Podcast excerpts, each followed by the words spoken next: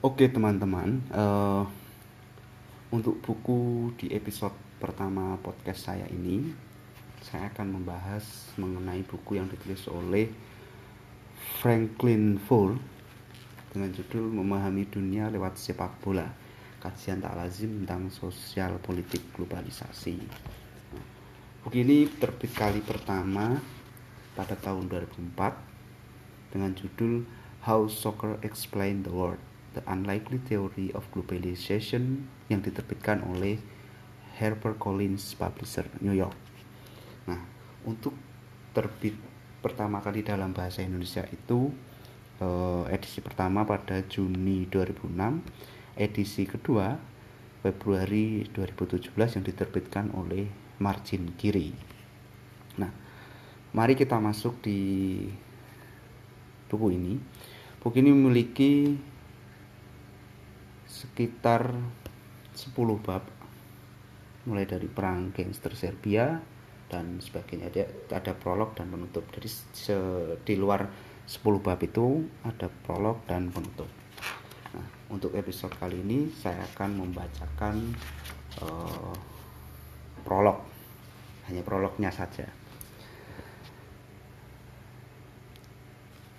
Saya gila bola meski payah dalam memainkannya Ketika saya kecil, orang tua saya akan memalingkan badan dari lapangan agar tak usah menyaksikan saya bermain. Saya tidak menyalahkan mereka. Prinsip-prinsip dasar permainan ini baru mulai saya sadari perlahan-lahan.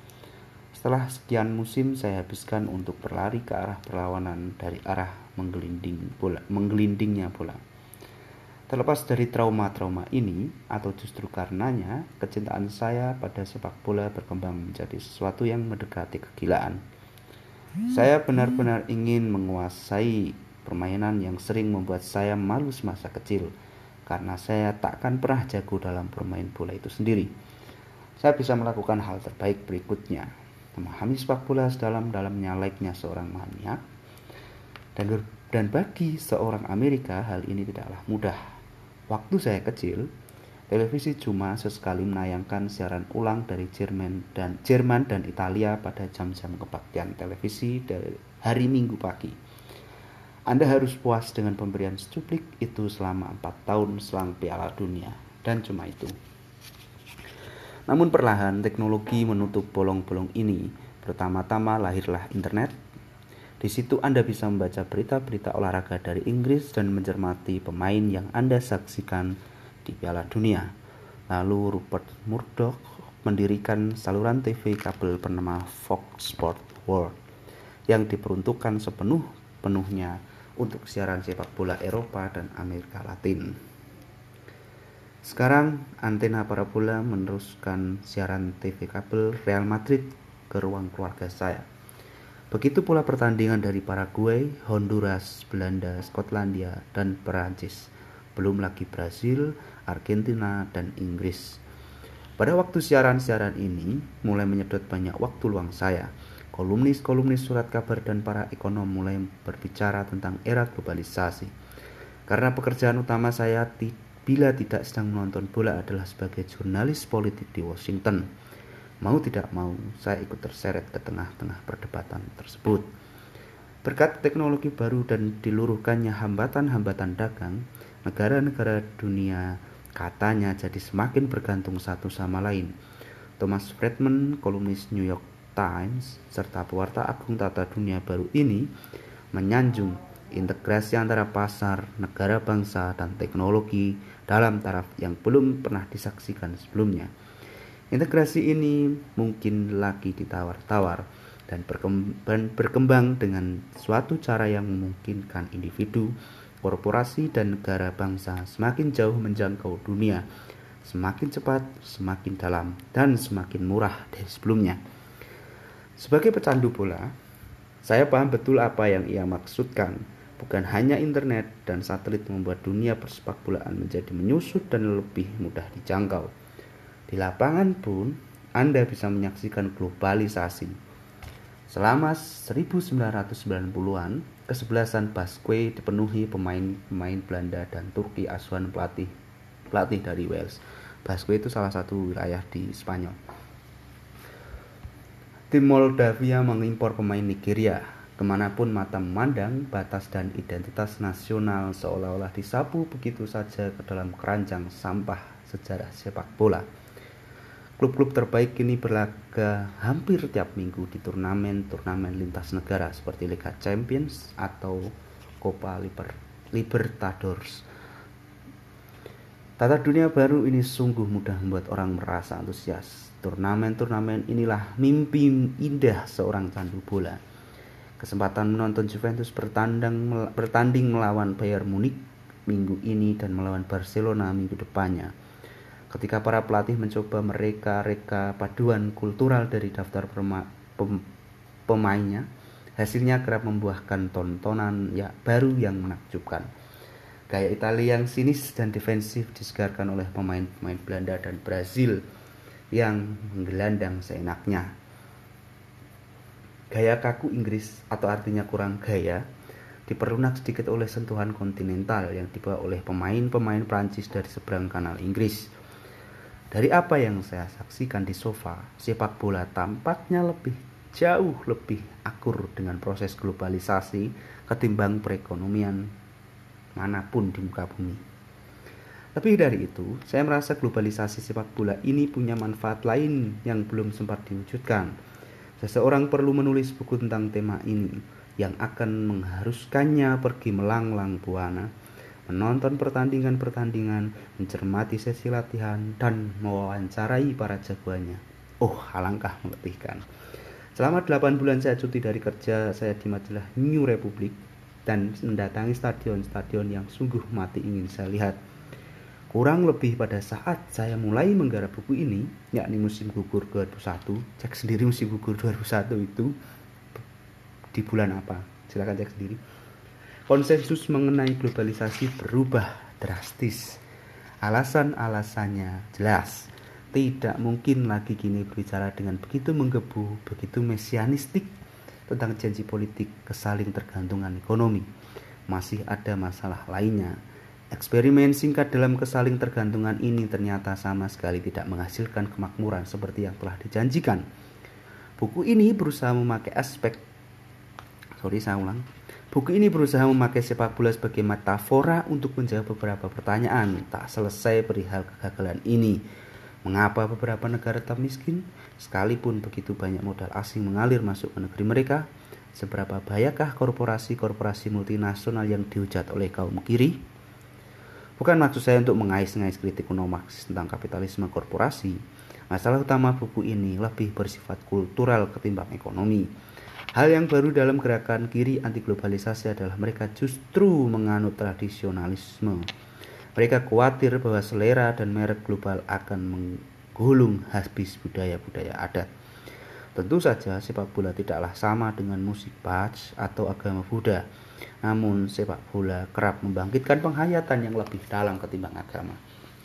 Dan sebagai bagian dari jalinan masyarakat, sepak bola juga menjadi wahana pelestarian tradisi.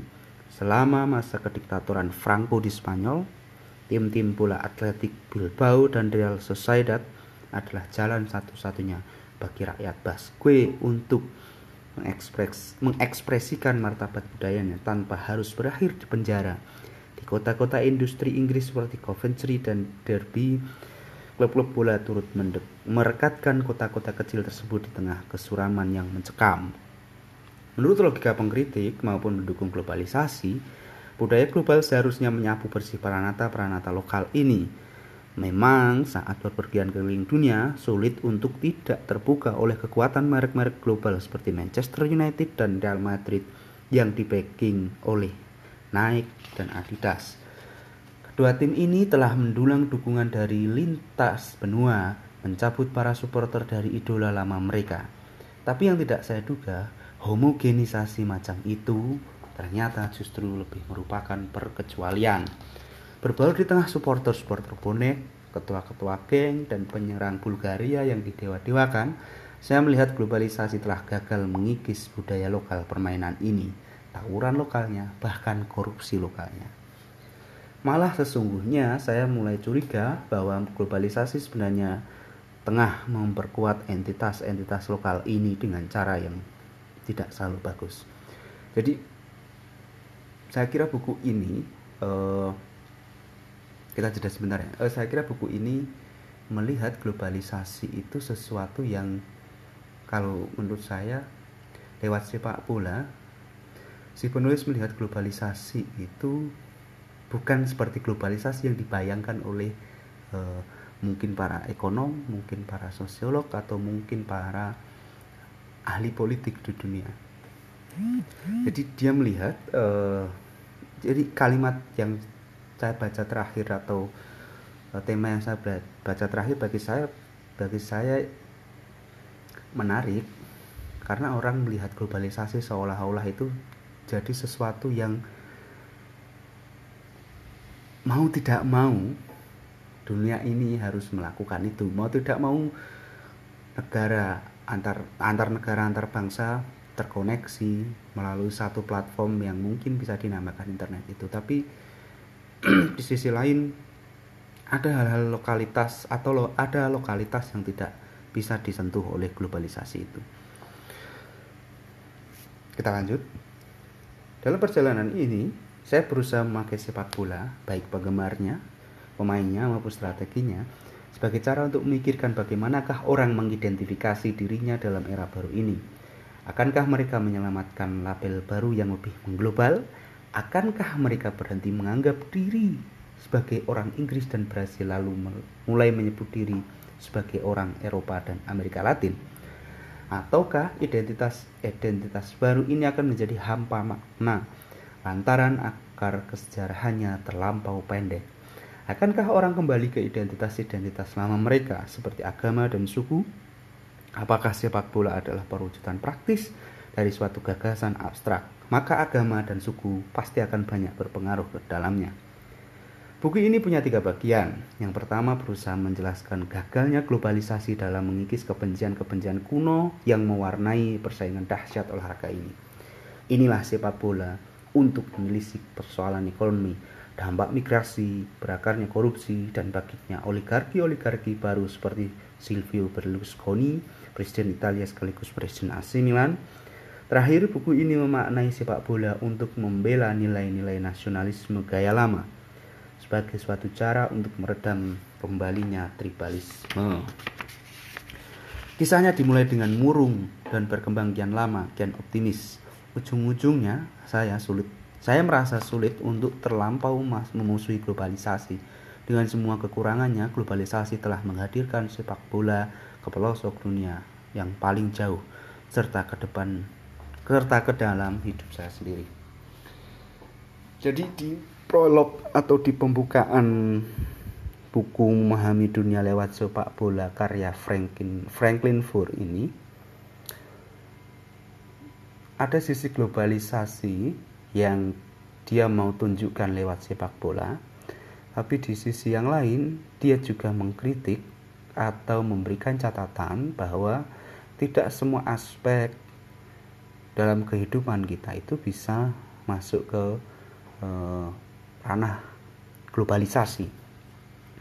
Jadi buku ini untuk episode yang selanjutnya nanti eh, kita akan saya akan bacakan bab per bab dari buku ini sampai ke penutup. Jadi di bab satu itu si penulis menulis tema tentang perang gangster Serbia. Komersialis yang kedua kedua itu komersialis komersialisasi konflik agama. Tiga kebencian pada Yahudi, empat hooligan sentimental, lima korupsi di dunia ketiga, 6 kulit hitam di Eropa Timur, 7 lahirnya kelas oligarki baru, 8 pesona nasionalisme borjuis, 9 masa depan negara Islam, 10 perang budaya Amerika.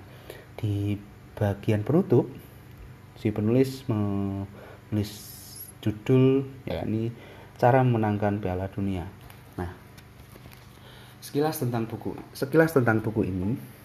Buku ini saya beli kira bulan Januari 2019 ketika saya uh, ada kesempatan mengikuti sebuah gathering di Bali. Tepatnya saya beli di Taman Baca Kesiman di daerah aduh kok lupa dan baca Persima itu mah Denpasar. Jadi waktu itu saya sedang mulai suka dengan sepak bola dan saya perlu untuk mendalami tentang sepak bola. Dan ternyata saya nemu buku Franklin Fur ini yang isinya di luar ekspektasi saya.